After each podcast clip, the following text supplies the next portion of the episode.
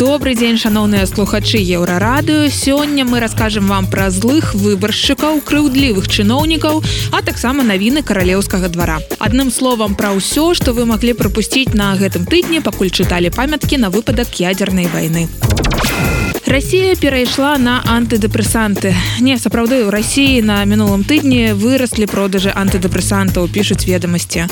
У першыя тры дні пасля таго, як Владзімир Пуін абвясціў мабілізацыю, людзі сталі скупляць заспакаяльныя. Продажы выраслі на 38соткаў у параўнанні з аналагічным перыядам мінулага года. Гэта гаворыць пра настроі расіян больш, чым усе пытанні грамадскай думкі. На жаль, пакуль адзіным па сапраўднаму рабочым спосабам барацьбы са стрэсам у рассіі можна назваць білет па маршруце далей ад рассіі бачыў бразільскія выбары таго ўжо не ўразіць бітва паміж дэмакратамі і рэспубліканцамі ў ЗША. У гэтыя выходныя за прэзідэнцкую пасаду у найбуйнейшай дэмакратыі паўднёвай Амерыкі будуць змагацца правы кандыдат Жаір Балсанару, якога называюць трапічным трампам і прыхільнік левых ідэй Лулу да сілава. І чым бліжэй выбары, тым злейшыя выбаршчыкі. Сёлета мы назіраем эмацыйную палярызацыю, калі розныя палітычныя групы бачаць адна у адной ворагаў, а не праціўнікаў. Цытую CNN Філіпа Нуньеса, гендырэктара даследчага інстытута, які праводзіць апытанні грамадскай думкі ў Бразіліі. Піша што мішэнямі становяцца нават нейтральныя гульцы накшталт інстытутаў грамадскай думкі.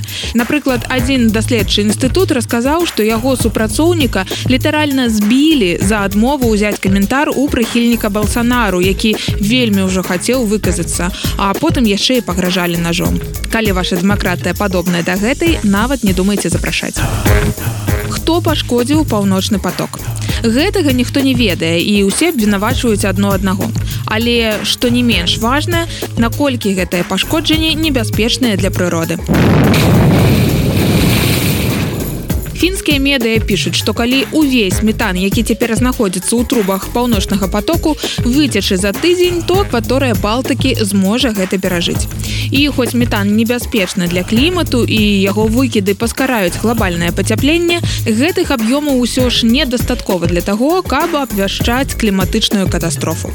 Калі прачытаўшы навіну пра сабатаж на дне балтыйскага мора вы махнули рукой на клімат і вырашылі больш не сартаваць смецце працягвайце тэрарысты сабатажнікі і палітыкі пакуль не звялі ваши намаганні на нішто. Экс-прэзідэнта замбі эдгара лунгу абразілі.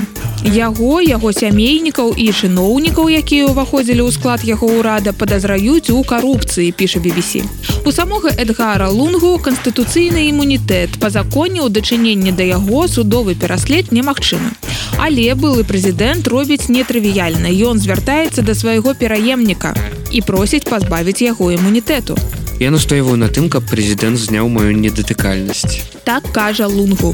Таму што тады ён зможа адправіцца ў суд і абараняць сваё імя. Калі палітыкі ва ўсім свеце зноў змогуць думаць пра нешта акрамя ядзернай вайны, хай успомняць гэтую навуку абароны гонару і годнасці з замбіі. А цяпер возьмем вышэй пагаворы мне пра прэзідэнтаў а пра каралёў у Великабрытаніі выпусцілі першыя 50 пенсавыя манеты з відарысам Карла третьяга Па традыцыі у адрозненне ад каралевы партрэт караля на манетах малююць без кароны расказвае BBC. Дарэчы, Карл вырашыў адысці ад адной старой традыцыі. Па правілах імя караля на манетах пішацца на лаціне. Гэта значыць, на манетах яго трэба было падпісаць як Карлуса. Але новы манарх вырашыў выбраць для чаканкі простае імя Карл, ці як мы звыкліся Чарльз. Калі карона галаву караля на манеце не ўпрыгожвае, то прастата і сціпласць дакладна. Што б не адбывалася ў свеце, мы будзем працягваць інфармаваць вас пра гэта. І абяцаем, што як і раней не аддымем больш за 5 хвілін.